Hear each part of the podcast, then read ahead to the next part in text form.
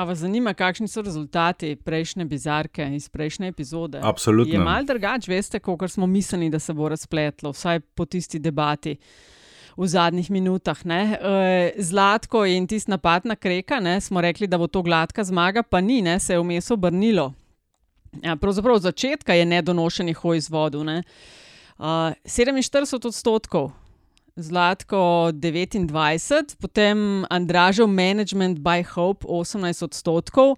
In eh, to pa mene malo preseneča, ali až BMZ samo 6 odstotkov, mogoče zaradi tega, ker je to, kar on daje od sebe, uh, beyond vsega. Ja, prvič to, pa drugič, veš, mislim. Razen Die Hardo, tipa BMZ, smo že vsi ostali se sprijaznili z Bidenovo zmago. Ne? Tako da, moving on. Ja, no, 271 jih je glasovalo in to je imel pa tudi kar Andraš prav prejšnjo epizodo. Tako kot smo uh, doživljensko prepovedali uh, Janšo, ker je pač preveč bilo bizark, že tako verjetno bo, bo treba s Hojsom narediti, ne ministrom. Ja, se, bo, se bojim, da res. Ja. Ja, ne, neregularna z njima je polit bizarka neregularna. neregularna. Jaz bom sam to rekel, da ne bom rekel, da sem rekel. ja, le eni imamo mal daljšo lightingo, Andrej. Ja, sam, veš, gled, res ni fair. No? Posod, posod ga izključijo. Iz partije, iz bizarke, iz ne vem. Pred nami je časna naloga. Poverite gospoda Hojsa, v kateri je ponudil odstop, še zaprt. Če kaj, potem je to referendum o tem, ali slovensko vojsko sploh želimo imeti ali ne. Neke vrste zmene rušiteljev temeljnih vrednot Evropske unije. Kar sem odšel iz politike, vse na robe. Več afer, kot bodo sproducirali, bolj bom grizla in sekala lovke. Mi nismo ničesar plačali, tako da zagotovo ne gre za goljofijo. Te razprave ne bom nadaljeval, ker nisem neumen. Ker se je bi ga nekdo mora boriti za otroke. Osebno sem se danes testiral, čakam na rezultate zaradi preventivnih razlogov, da ne bo potem kakšnih dilem. To je LDGD, podcast, ki nikogar ne podcenjuje in ničesar ne jemlje preveč resno. V imenu svojih najbližjih in v božjem imenu vas pozivam na lov. Uživajte, dokler lahko. Hvala lepa. Uh, smo pri novi epizodi podcasta LDGD, torej podcasta, ki nikogar in ničesar ne jemlje preveč resno, še posebej ne politike. Vaši gostitelji pa smo Andraš Zorko Valikon, Antiša Korjan, Primorske novice, Aljaš Pengovitenc, Radio Chaos in Nataša Briški Metina Lista. Aljaš, kaj smo rekli, da debatiramo v tej epizodi?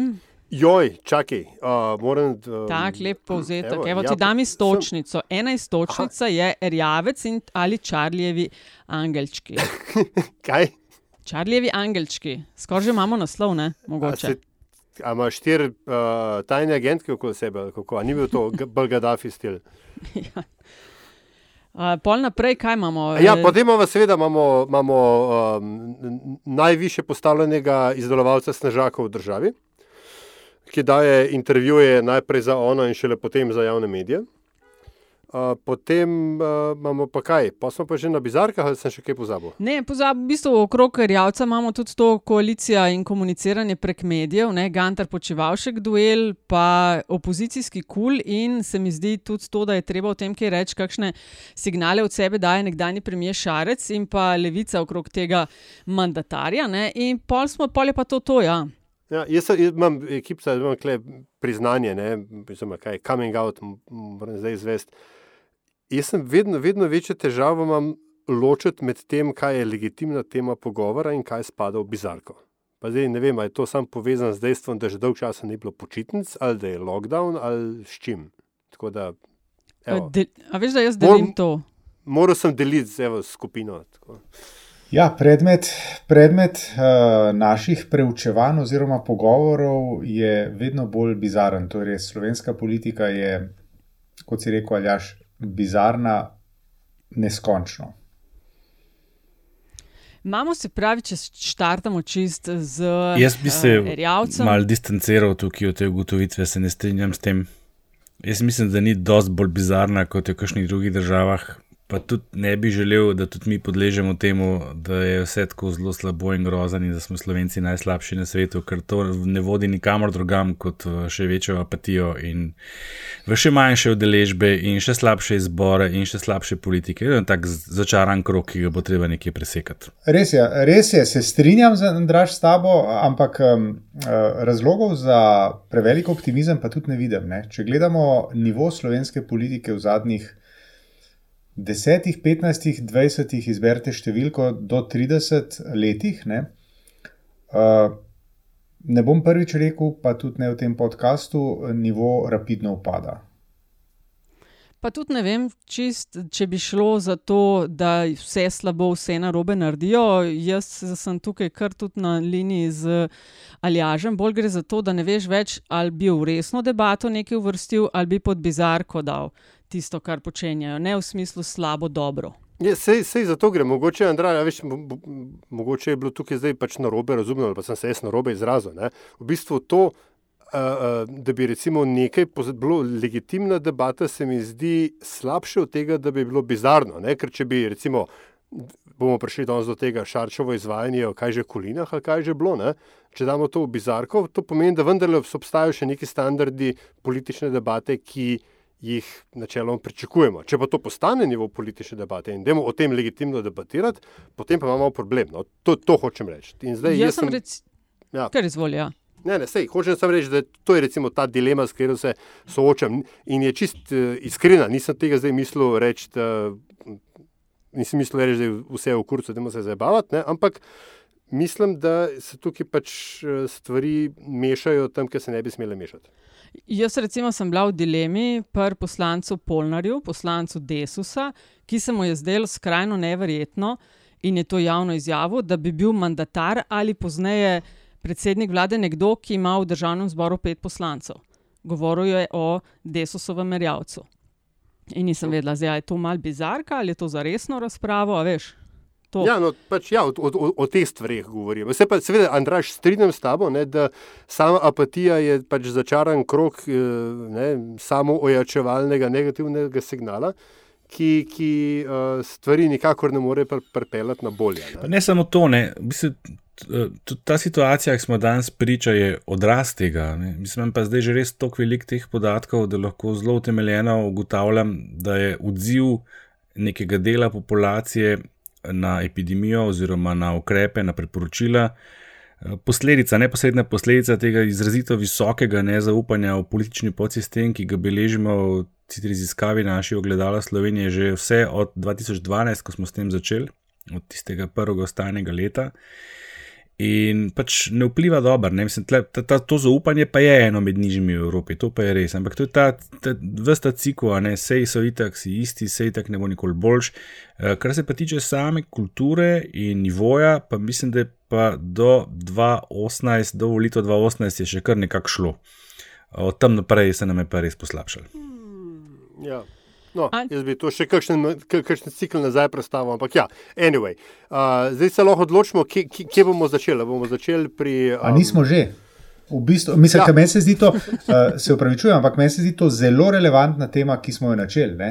Zato, ker nas zadeva tako kot recimo opazovalce uh, tega dogajanja in prostora, kot ne na zadnje tudi državljane. Uh, zato, ker pač mi živimo v okolju, o katerem se hkrati tudi pogovarjamo in nam ga kreira ta, uh, ta ista politika, o kateri se pogovarjamo. Tako da meni se zdi to v bistvu zelo relevantna tema, ki jo velja, uh, morda ne zdaj, ampak nekoč uh, zelo temeljito načet.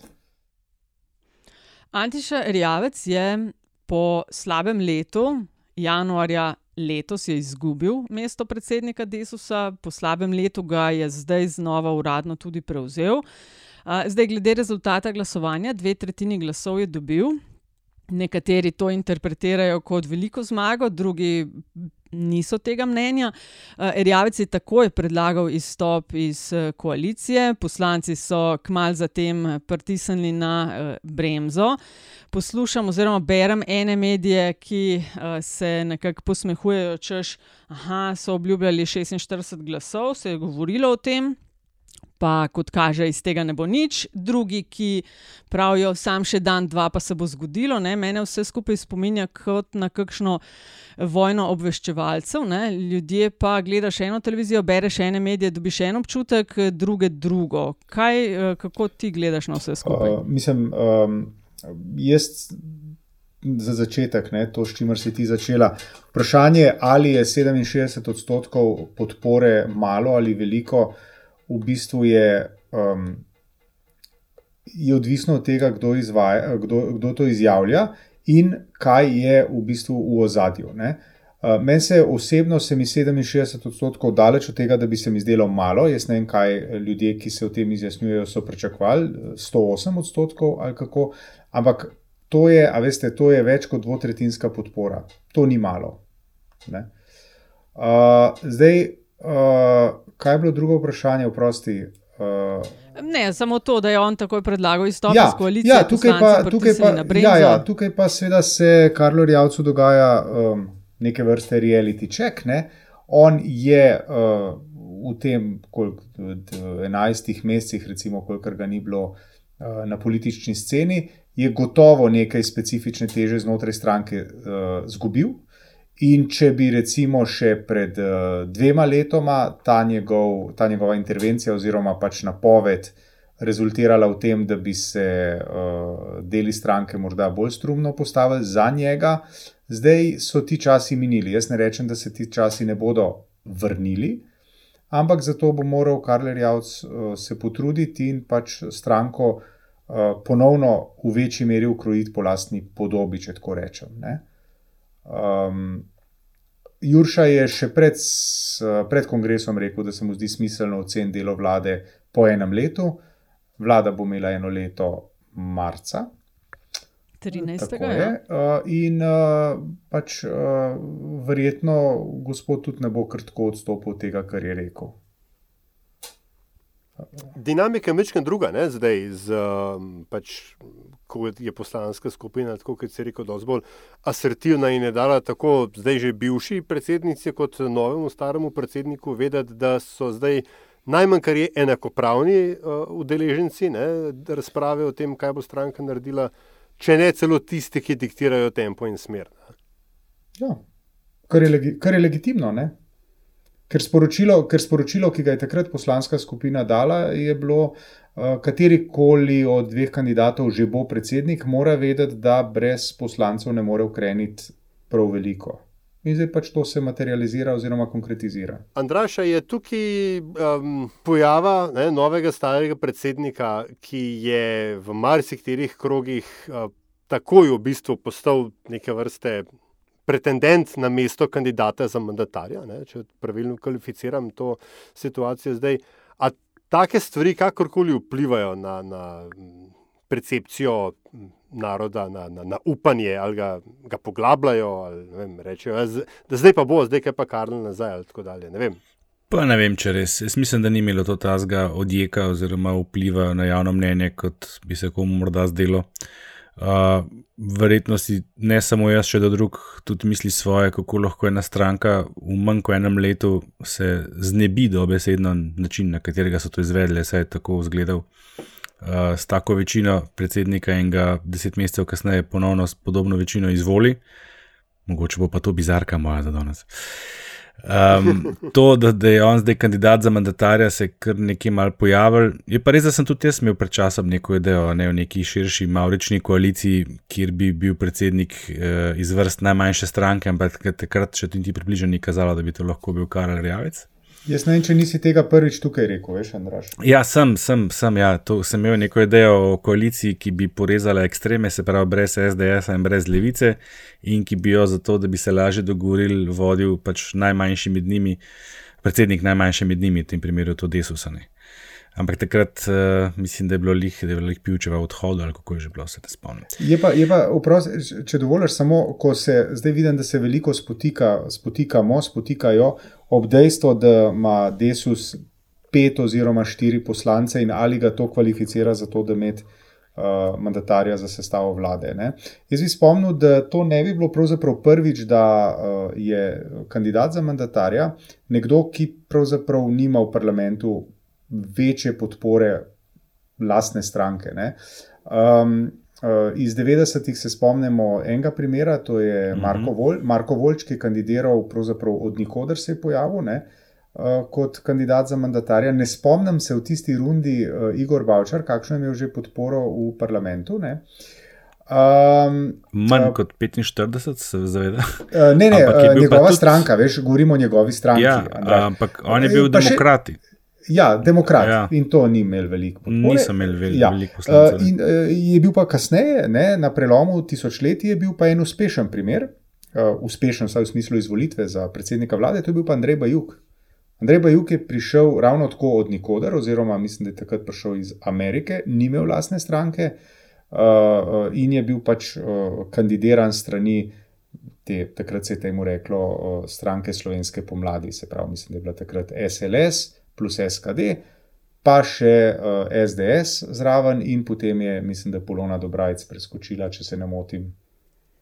Uh, ja. Je res, ne? pa še mislim, da je ena, ne me zdaj držati za besedo, ampak hočem to, poanta je v tem, da sploh v slovenskem parlamentarizmu ni neka velika redkost, oziroma ne bi bila, če bi mesto mandatarja za sestavo vlade prevzel nekdo, ki za seboj nima prevladujoče stranke ali pa v parlamentu, ali pa vsaj uh, razmeroma velike stranke parlamentarne.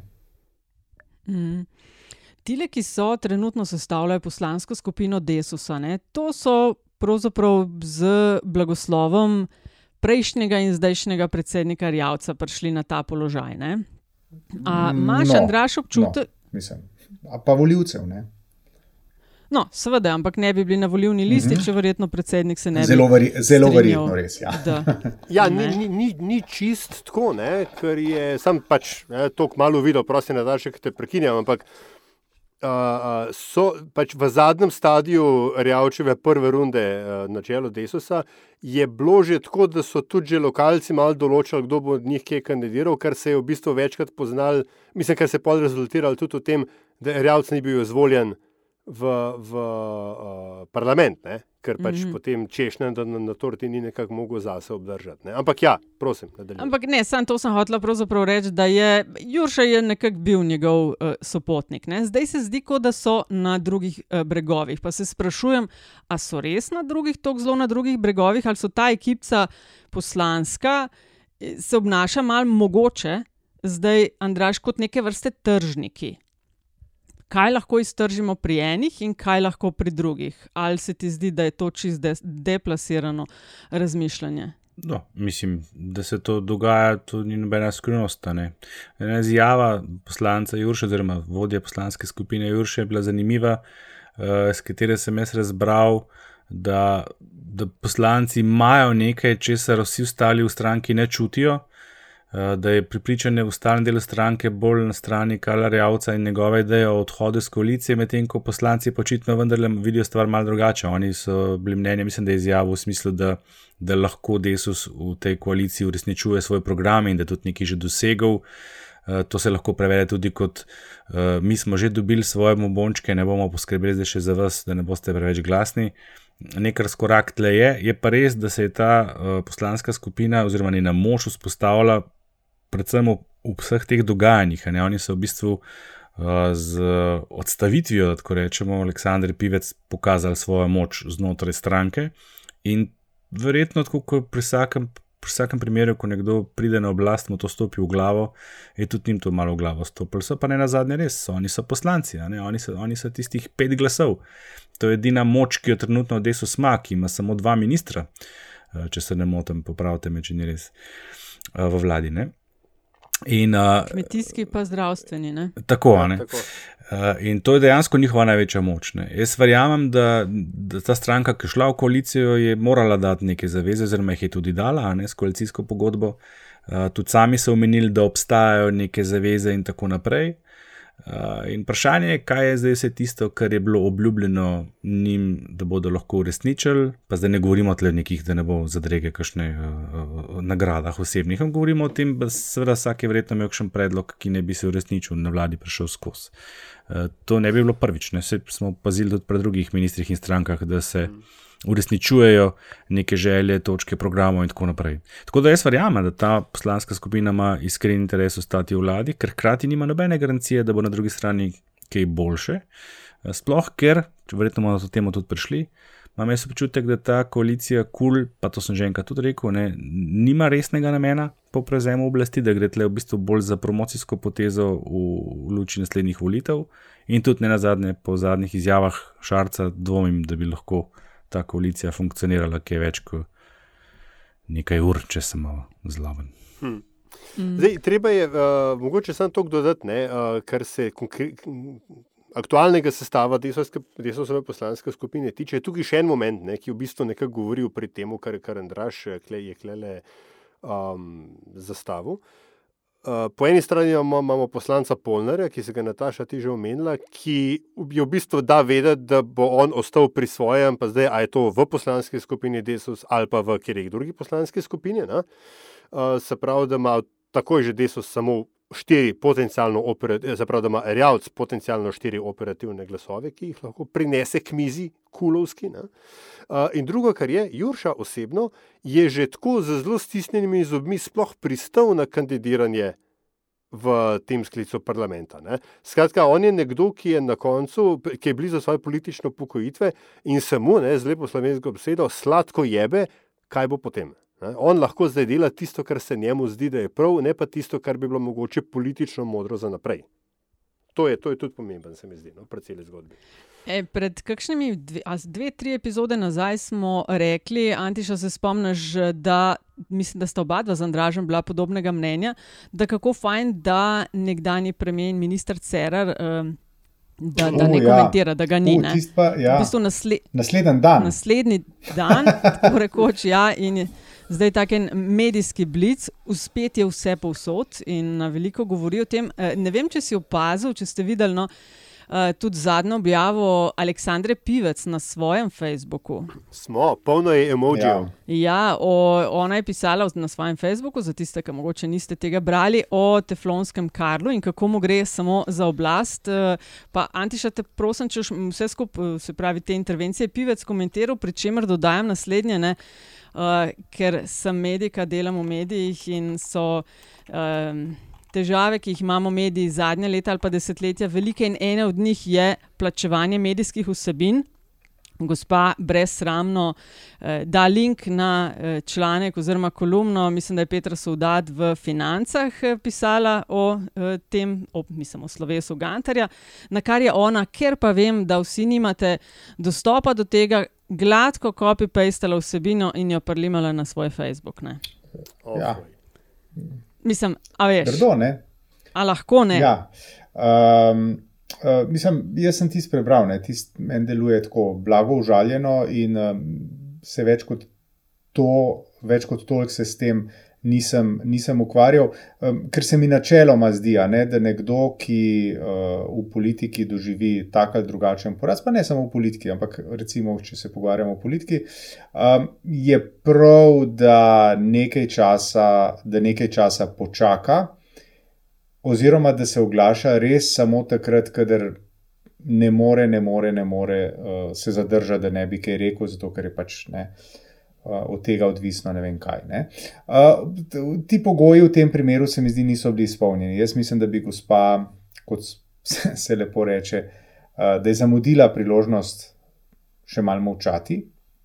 Jaz ne rečem, da ne bo legitimno, da se gospa pojavi čez nekaj časa. Ne. Zdaj, čez koliko časa uh, je to higienično, ne? se lahko pogovarjamo, ampak po, po desetih dneh ali Ma niti ne, ne. po izvolitvi Karla Rjavca se mi zdi pa absolutno prezgodaj. Absolutno. Gibanje. Ko ti greš, veš, ne, veš, ko ti greš ven iz politike, potem je prav, da si nekaj časa tiho. Karlo Rjavcu smo to priznali, Miro Tucerarju tudi, pa recimo, da ne bi bilo nič narobe, če bi Miro Cerar še nekaj časa uh, politiko zgolj opazoval. Um, ampak se je pač tako odločil, ne vemo pa zakaj. No. Ti, hej, eno vprašanje. To sem pa znaš, veš, Antiša, ki si govoril o, o tem, da pa lahko tudi sprememo počasi, da je Karl Rjavec čist kompetenten, legitimen kandidat za mandatarja, ker je pač, da se moramo sprijazniti s tem, da je nabor ozek, ne, da je ta ja. Bazen kandidatov vedno oži, kar je seveda spet posledica tistega, kar sem na začetku upal. Ja, seveda. Um, ampak en, en zanimiv trend je pa to mogoče zdaj, zdaj. Najprej se je vrnil Janša na čelo predsednika vlade, potem se je vrnil Karel Javec na čelo svoje stranke, manj, po enem, manj kot po enem letu, ko so ga odslovili na krgrd način. Zdaj se je začel Miro Cerar pojavljati spet v medijih. Aj to nek, Uh, neko obdobje špekulacija. povratka, Uh, velikih špekulacija. povratkov, ali kaj, a sa smo se naveličali, a so se izčrpali ti novi obrazi, čeprav Miro Cerar nekaj, če se je tudi novi obraz. Ampak eh, a gre tle za nek trend vračanja odpisanih? Zanimiva in zabavna Jaz- špekulacija, ampak, ja. ampak Ja. se mi zdi, no, da bo Miro Cerar se imel zelo, zelo, zelo lepo še nekaj časa na svoji katedri na pravni fakulteti in v politiko. A misliš, da se ima lepo tam? A misliš, da se imajo ministri, ko enkrat, pa, ali pa bog ne daj premijeji, ko enkrat začutijo moč, oblast, medijsko pozornost, lepo, ko pridejo nazaj? Jaz mislim, da je, jaz mislim, da je ta uh, moč, oblast, uh, zglancani avtomobili in šofer pred vrati pisarne in doma, mislim, da je to povezano s toliko enimi pritiski, da je zelo za razmisliti, kako se reče temu, price performance. Ne? Cena za to so zelo močni pritiski in ukvarjati se moraš z vsako, rekel, malenkostjo. Tako da, Ah, a, a, a, ni Antiša, tisto ja, ja, naivan, ni. ne. Ja, no, mislim, lahko ampak- da, ne. Ja. Ne, hote, v hecu sem to rekel, vendar. Ne. Ampak eh, nekaj drugega, dve, dve pripombi imam, ne, ki jih moram na tej točki vršiti, mislim, pa moramo imeti na temo. In sicer jaz, ne, gospod Pivec, sem, up, sem termin teflonski karl uporabil že leta 2010. Tako da ne se. Šele, Kako? Kaj? Ja? šele. Ja, takrat je bil šele 4 leta, ne, 6 let je bil takrat. No, skratka, ampak nekaj drugega. Uh, Andraš, to, kar si zdaj zastavil, tale trend je silno zaskrbljujoč, ker kje ta trend kulminira? V premijeju Borutu Pahorju, spet. Ne? Če smo že pri povratkih uh, novih, starih obrazov in, in to. Tega pa mislim, da si nihče od nas ne želi, ker to pomeni spet finančnega ministra Francija Križaniča. Ne? Ampak ekspliciraj to malo bolj, Aljaš. Ja, če ja, veš, ma- mislil ja, povedati? Miro Cerar, če, se vrača Karel, vra- vrača se Janš, vrača se Karel, vrača se Miro Cerar. In če gremo tako regresivno nazaj, ne, to potem bo potem Borod Pahor spet premije, ko mu izteče mandat predsedniški. Ne. Ne bo to že Joj, ne, čakaj, ne, ne. Borut nima- Pahor nima- je aktiven še vedno, jaz govorim o odpisanih. Ne, pa Borut A Pahor veš? po preteku mandata nima nobenega interesa. To je pa večkrat povedal, da Ja, ga slovenska politika ne Ampak- bo zanimala. Zdaj ste pa vi dobro meni resno vprašanje. vzeli, no je Benti. Ja. Pejtorit. Pejtorit. Je pa dobro vprašanje, kdo pa je še tak med odpisanimi, ki očitno niso vsi odpisani, ki bi se utegnil vrniti, ker če je bazen spraznen, če ni več kandidatov, ki, ki bi si upali, imeli voljo stopiti v to uh, situacijo, da ne rečem drugega. Še, še Marjan A vidimo še je koga? Na, evo, evo, oh, hvala, vidimo podobnik je tudi nazaj prišel, točno, evo še en, vidiš, to je en trend. Ne? Ja. Židan, konc koncev, lej, tudi se mogoče lahko. Zelo Ne. aktiven zadnje čase. Ja. Mislim, mi bomo prišli na koncu točke, bomo rekli, da je zdaj boljš, kot je bilo, ne? bomo pač zanikali Antiševo tezo. No, ker smo pa boljš, kot je bilo. Uh, Številke vidimo, dva meseca smo že v zelo strogih ukrepih, številke nekako ne jenjajo. Andraž, vi ste to kar intenzivno pretresali. Uh, Imamo ministra Počevalška in predsednika SMC. uh, Ki je v ponedeljkovem studiu City rekel, da na strateški ravni smo v slepi ulici, da gremo iz zdravstvene in gospodarske krize v psihološko, da je potrebno dobiti zaupanje ljudi nazaj. In v zvezi s tem je imel, če ste opazili, tudi kar dost, bi rekla, konkretno objavo na svojem Facebook naslovu. Za katero Eno jaz malo dvomim, bi da jo je sam pisal. Ne? Tudi jaz, tudi jaz, ja. E, ampak je malo celo bilo zaznati neke sorte samokritičnosti. Zdaj pa, Andraž, vi ste to okrog zaupanja merili, a se to kaj spreminja mogoče? Ne. To je, to je vse čas isto. Ko govorimo o politiki nasploh, ko govorimo o, o govorcih epidemije, kot sem jih poimenoval, ko govorimo o zaupanju v vlado, pa tam poudarimo v vprašanju, ne glede na to, v kolikšni meri zaupate vladi, kot, oziroma podpirate vlado ali zaupate v danih razmerah, tam so rezultati konstanta. Nič, kar se eh, dogaja, ne more na to vplivati. Kar bi lahko vplivalo na to, je zdaj, če bi se zgodile pač kakšne korenite spremembe. Se pravi, da bi prišlo do korenite spremembe v načinu vodenja te vlade, naprimer. Uh, plastično rečeno, če bi se začeli v SDS-u spodobno obnašati in normalno komunicirati, če bi spremenili strategijo vodenja krize, če ne bi več žalili državljanov, če ne bi več grozili, če ne bi več uh, bili tako avtoritarni, kot so v svojih nastopih, potem bi se mogoče celo kaj spremenilo, potem bi mogoče celo nekateri med, med ljudmi začeli uh, tej vladi bolj zaupati. Pa ne samo tej, kateri koli. Uh, še eno stvar moram tle dodati, velike govora zadnje čase o tem, češ, uh, da en delež ljudi ne spoštuje ukrepov iz, zgolj iz nasprotovanja tej vladi. To drži do neke mere. En manjši delež je res eh, nastrojen na ta način, zato ker je to točno ta vlada, ampak en drug delež, ki pa ni nič manjši, pa, se pa vede tako, pa bi se vedel, ne glede na to, katera vlada bi bila. Ker so pač to tisti ljudje, ki radi rečejo, da je država kriva za vse. Se pravi, od trenutka, ko ti pade kolo samo okoljnice dol, pa je ne znaš nazaj namestiti do, do, do, do razpada zdravstvenega sistema. To, za vse to je kriva država in za te ljudi je čisto vseeno, kdo je na oblasti in je čisto vseeno se pogovarjati, kdo lahko s kakršnim koli ukrepom karkoli naredi. Je pa to mejhan delež ljudi, to je pa tudi treba povedati. To, to govorimo o nekaj odstotkih in ko sem že ravno pri tem.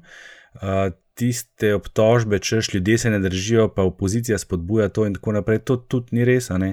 V bistvu je največ nespoštovanja uh, ukrepov, oziroma največ nezaupanja med tistimi, ki sicer sploh ne volijo. A res? Ja. Čakaj, da je to prosim še enkrat ponovim. Ja. Največ nezaupanja v delovanje ja, vlade ne. med tistimi, ki se Ave, sploh ne udeležujejo volitev. Podporniki strank, tako z desne kot z leve, so, uh, so, so tisti, ki nadpoprečno upoštevajo ukrepe. Uh, govorimo tako o podpornikih SDS, NSA, kot podpor, o podpornikih LMŠ in SD. -ja. Tam so številke nadpoprečne, pri ostalih kvečemo poprečne. Edini, edini košček, ki pa potrjuje to neko tezo o opoziciji in tako naprej, je pa en delež ki so pa mlajši voljivci, ki so pa v nadpoprečni meri podporniki stranke Levica.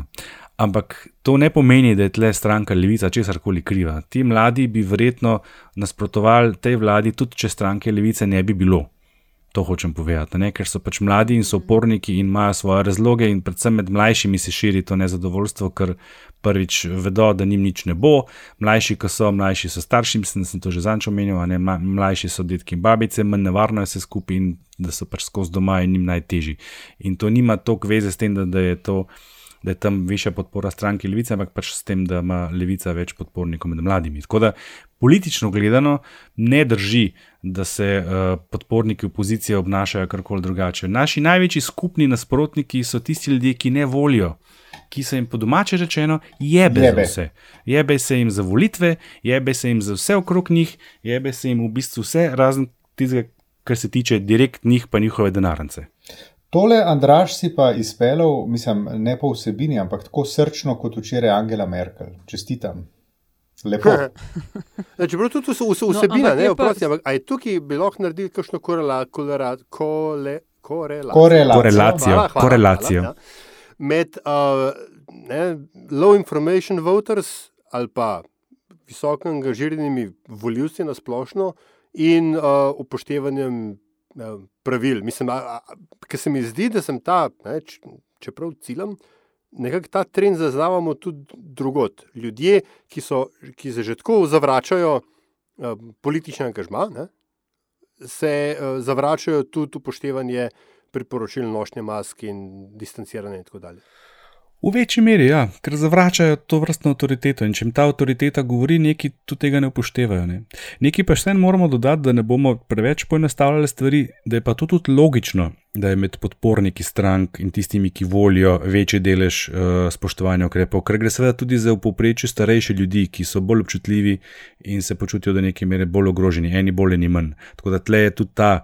Eh, ta, ta starost je zelo pomembna spremenljivka. Kot sem jo prej omenil v primeru levice, tudi tukaj, ne, eh, ne volivci so mal mlajši v poprečju. A veš, kaj sem zadnjič razmišljala? Od februarja dalje nekako se že ukvarjamo v enem delu ali pa v celotni vsebini, ki jo delamo v LDGD, z vprašanjem tega COVID-a in smrtnosti. Ne? In sem se spomnila, Andraš, mislim, da ste poleti prvič naredili, ali pa mogoče je takrat mi bolj uh, nekako na mapo prišla ta, ta podatek. Na začetku ni noben, noben ga poznal. Ne? Potem ste pa delali raziskavo in se je ta odstotek, seveda, ljudi, ki smo nekoga poznali, ki je to uh, imel, se je večal, zdaj ne samo en daljnik, ki ga poznamo, ampak že v ožjih družinskih krogih. Ne, uh, kar mi je tako, kar dosti grozno je to, da se če dalje več tudi objav na Twitterju, vidim ljudje. Se poslavljajo že od svojih najbližjih. Ne. Zdaj več ni, sam ne poznamo nobenega do tega, da je nekdo dosti blizu nas, ali pa celo mi sami. Ne? Ampak imamo zdaj tudi uh, že, mislim, ta, to, da vsak dan en, za en avtobus skoraj ljudi dodatnih umre, to so kar žalostne statistike. No, tako vse bliže in bliže se mi zdi, da prihaja zadeva. No. Ja. Ja, to se vidi tudi iz naše raziskave, ne? kjer se ta odstotek teh uh, poznam v najožjem krogu in v naj, oziroma ožjem socialnem, najbližjem fizičnem in ožjem socialnem krogu res izrazito povečal v zadnjem mesecu. Uh, tudi ne smemo pozabiti, da je okuženih precej več, pa ne samo takih, ki niti ne vejo, da so, ampak tudi takih, ki vedo, da so, pa se ne testirajo. Mi smo delali eno raziskavo skupaj z mladimi zdravniki, pa z sledilnikom COVID-19, kjer se je izkazalo, pa ta delež je bil kasneje še enkrat potrjen, da imamo približno 5 odstotkov že okuženih, pa 3 odstotke takih, pa potrjenih, pa 3 odstotke takih, eh, ki so okuženi in so 100-odstotni, da so, ampak niso bili testirani, ker namreč eh, testira se družinskega člana ne, če je en že potrjeno eh, okužen. Tako da tega je vedno več in nažalost tudi smrti. In v tem trenutku, če mi dovolite, ker smo zapazili, bi pa še izkoristil priložnost za izreči sožalje našemu zvestemu poslušalcu, ki ga spremljam in občudujem njegove komentarje, ki se je poslovil od svojega najbližjega v tem tednu, to je vladar na Twitterju in skladno z njegovimi napotki ob izreku sklenega sožalja nazdravljamo.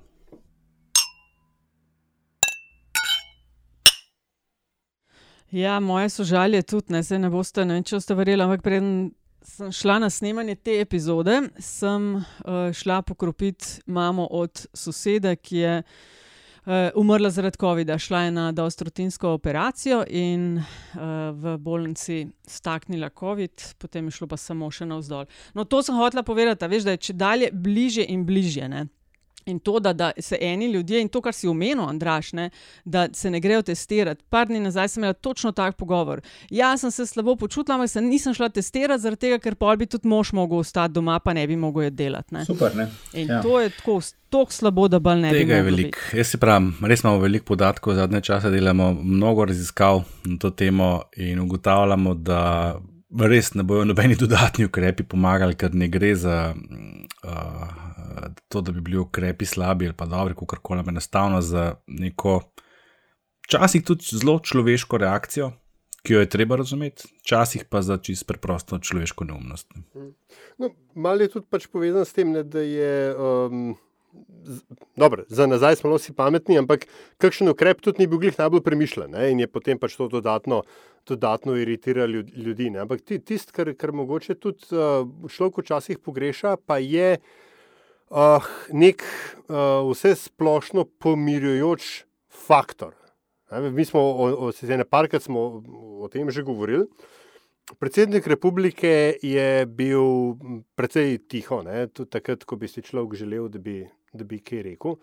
Uh, zdaj pa je, potem ko je se slikal s Nežakom pred predsedniško palačo, vendarle dal nek intervju uh, od sebe v, na nacionalki v kaj sredo, Včeraj ali predvčeraj? Uh, ja, sredo. Ja? Tudi ob 17. sredo. Ja. Um, kaj, kaj si o tem mislimo? Ker pač. Um, Po eni strani je to, kar sem rekel, ne, lahko bi se kaj tega že prej povedalo, po drugi strani pa sporočila tam notri niso bila slaba ali pa napačna. Nehi, no, nehi. No? Okay, ne, ne, sej, sam to. Hočem, hočem, hočem samo reči, da, da je, se mi zdi, da Viš, kasno Marko stiže na Kosovo polje, ampak da to, kar je povedal, je imel nek rep pa glavo. No? Uf. No. Ja, izvolite, Ti, kaj pa skladno z temo naše predzadnje, če se ne motim, epizode, kako pa bi se Pahor vedel, če bi bil to njegov prvi mandat in ne zadnji? Ja, kaj misliš, če bi bil, če bi bil bolj, uh, bolj aktiven? Ja, seveda. Konkreten, ja. ja. seveda. No, jaz, jaz, če je bilo vprašanje, no, kaj si o vsem skupaj mislimo, meni se ne zdi s postavljanjem snežaka sicer nič narobe. Ne?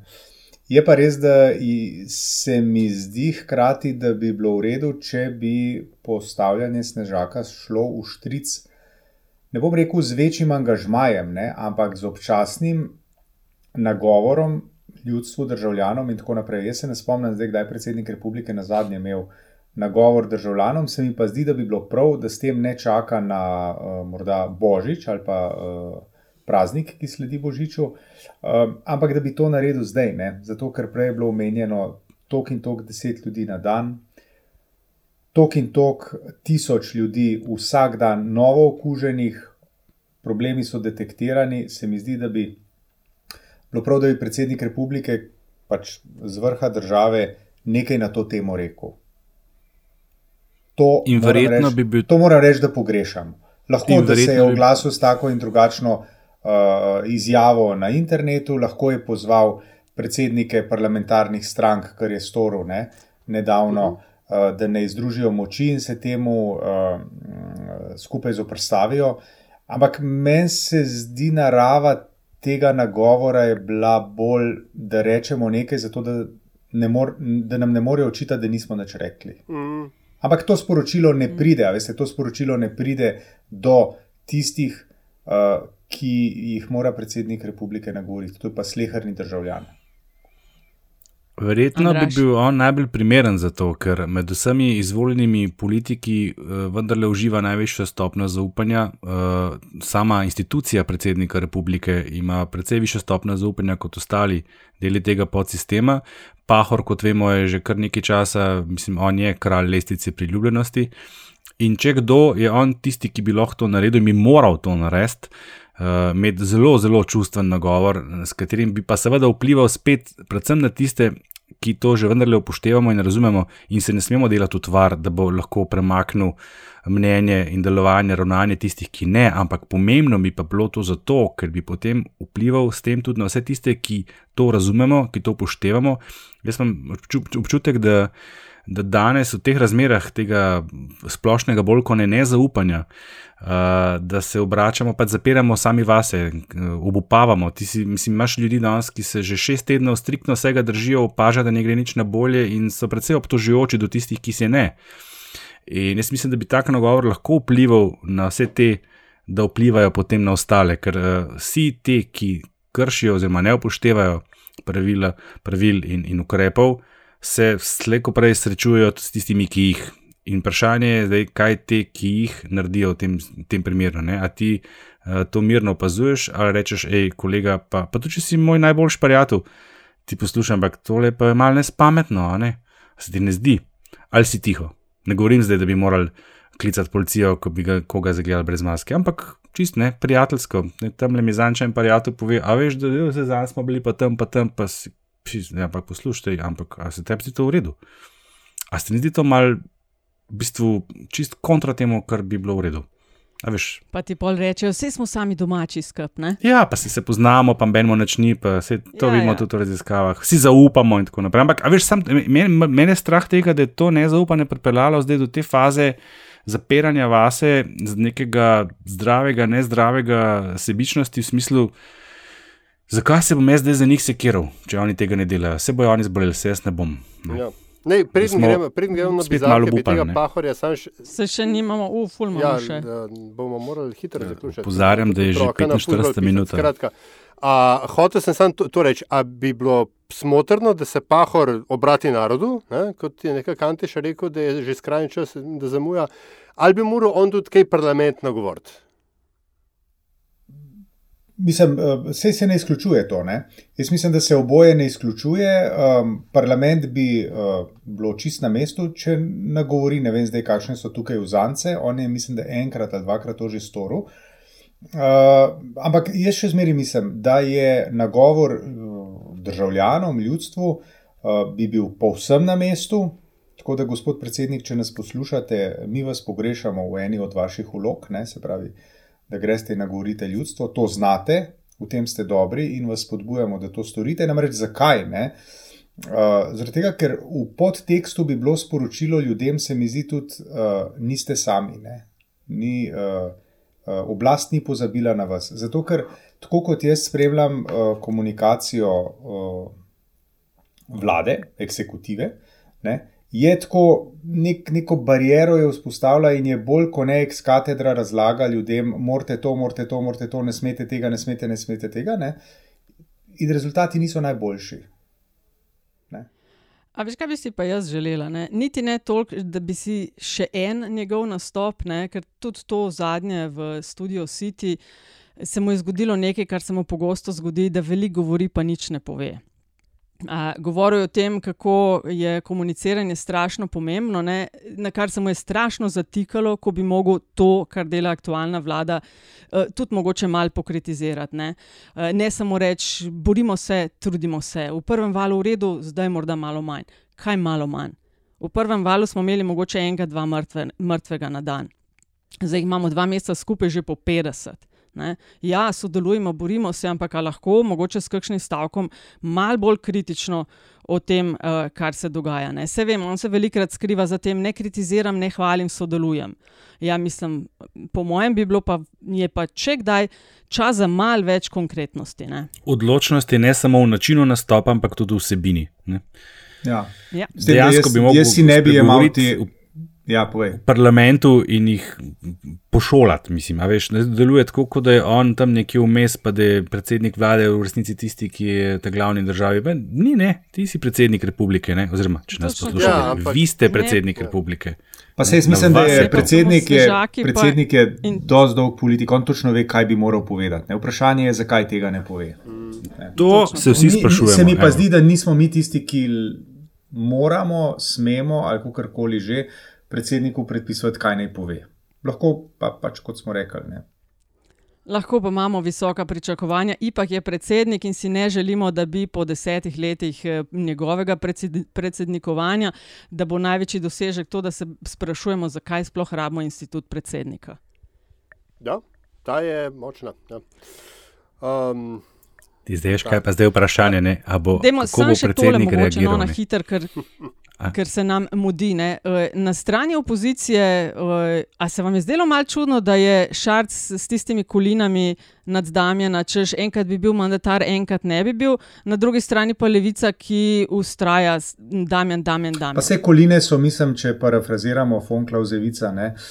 Uh, to, je, to so samo fige v žepih z drugimi sredstvi. Am razumete? ja. to, je, to, to, to je to. Ne?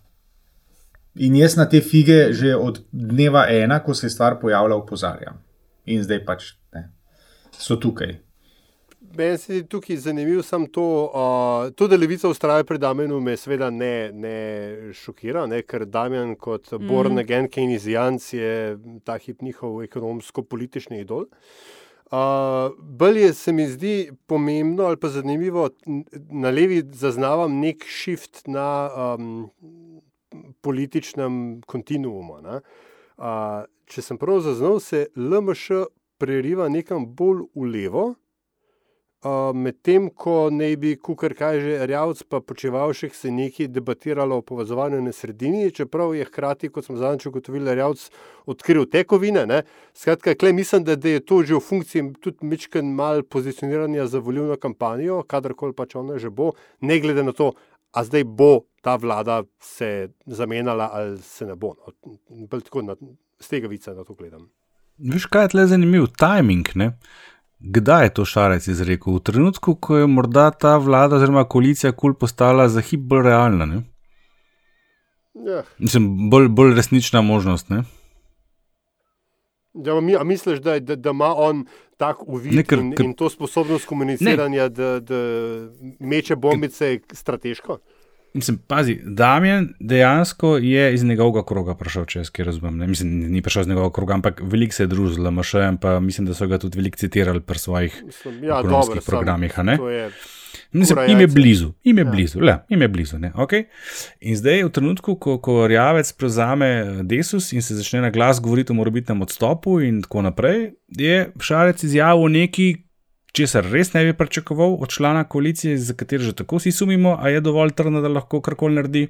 Da kaj ta zga reče, točno takrat, ko bi pa mogoče to res postalo vsaj malo možno. Ne? Tako se mi zdi malo nenavadno. Tako. Sam Jaz je- sicer pa že tako več čas govorim, da šarec je kukaviče jajce. Ja. Ampak gled, to isto je naredil tudi takrat, ko je bila opcija, da se SMC in SAP poveže za evropske volitve. Ne? Pač on se mi zdi, da je pač, ne vem, soler. Še enkrat bom ponovil, kukaviče jajce. da mu težko pade, če ni PV. Ti medtem, ko gledamo 39 glasov imajo ne, in nabirajo in nabirajo do 46, se mi je pa zanimivo zdelo tudi to vprašanje, ki se je začelo mal. Pojavljati, ne, ker naj bi in desusovi poslanci in SMC-ji nekako zlorabili zaupanje voljivcev, ki da niso menda glasovali za to, kar je zdaj in za to povezovanje. Ne. Vprašanje od poklica poslancev. Ne, Ne, ne, Zdaj, ne, ne, ne, čak, čak. ne, ne, ne, Čak. ja, a, a, ne. ne veš, kaj bom povedal. No, okay. Sorry, imam PTSD. Okay, se vem, ja, to je te politolog v tebi je zdaj razburjen. Uh, ne, sam, to bi dodala pa od poklicev, ne, ker so se spraš, spraševali, marsikateri, a se to bi dal pri nas ali ne. ne. Zdaj, v 82. členu ustave piše, da so poslanci predstavniki vsega ljudstva in niso vezani na kakršna koli, koli navodila. Parkrat so poskušali to spremeniti. Ampak imamo nekako dve sorti poslancev, imperativni in reprezentativni mandat. Ne. Imperativni je tisti, eh, da je poslanec zastopnik voljivcev, točno tistih, ki so ga izvolili in mora v celoti ravnati po nav- navodilih tega telesa. Eh, Reprezentativni pa je kar svobodni in ne predstavlja poslanc posameznih voljivcev, ki so ga izvolili, niti volilne enote, v kjer je bil izvoljen, pač pa ljudstvo kot celoto. In zato uh, ne odgovarja voljivcem, ki so ga izvolili, in ga ti tudi ne morejo odpoklicati. Tako da, če ste se to kaj sprašvali glede odpoklica poslancev, najstrožja sankcija pri nas je za res, me boš mogoče uh, ali jaš ti popravil, je ta, da politična stranka poslanca, ki ni upošteval njenega volilnega programa in ni po njihovih navodilih ravnal, da ga na naslednjih volitvah ne dajo na kandidatno Ja, listo. mislim, na- načeloma je res. Imamo sicer razne obvode, ki se jih ponavadi v SDS mišljujejo, ne, da ti podpišeš neko pogodbo in ne vem kaj. In Recimo, Andreja ja. Čuša so tako nabili a, a, a, na križ ne, ok- okoli tega. Ampak v resnici je, je to, kar se je rekla. Ta princip. eh, eh, Kaj si pa mislil, da bom rekel? Ne, ne, nič nisem mislil, sam, ko si odprla temo, se je pač meni odprla aneurizma in to, to, to tako je. a veš, To je, to je biolo, biološka funkcija. A, a, skratka, lej, če bi imeli mi v oči večinski volilni sistem, kar se seveda SDS blazno želi, potem bi mogoče lahko razpravljali o tem, da je poslanca moč odpoklicati, ker bi bil potem on izvoljen izključno samo z glasovi neke, nekega volilnega okraja. Dokler tega ni, in če me vprašaš, je prav, da ga ni, ker je Slovenija premehna za kaj takega, potem pač poslanca ne moreš odpoklicati, ker princip.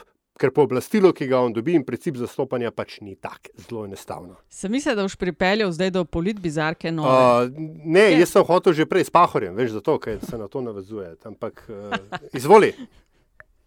Ja, sej nimamo kaj, ne, pa, mogoče smo zaključili s, tem, s to našo redno razpravo in smo po stari bizarki, so na vrsti nove uh, bizarke. Na dva tedna se mi zdi, da počasi je to že kar velik. Uh, jaz sem ene štiri, pet mila, med katerimi sem kolebala. Uh, kdo želi začeti? Ima kdo kakšno željo, kakšne procente lovimo, gospod Excel?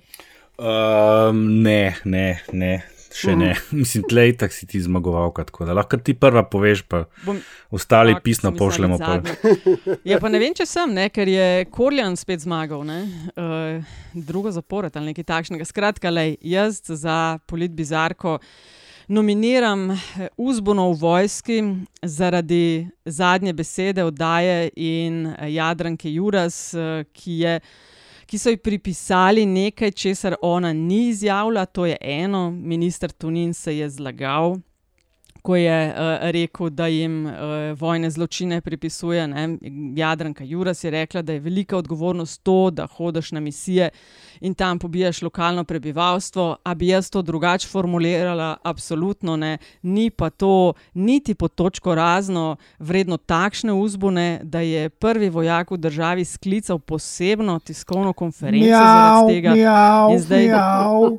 Ja, ne, ja, točno to. Ne. Zdaj pa sindikat vojakov napoveduje tožbo. Ne. Neka samo. Vrhovni, eh, medtem ko vrhovni poveljnik vlade piše pesmice, je zgleda sprožil epidemijo nežnosti in rahločutnosti tudi med najvišjimi predstavniki našega eh, vojaškega aparata. Tako, to je moja bizarka.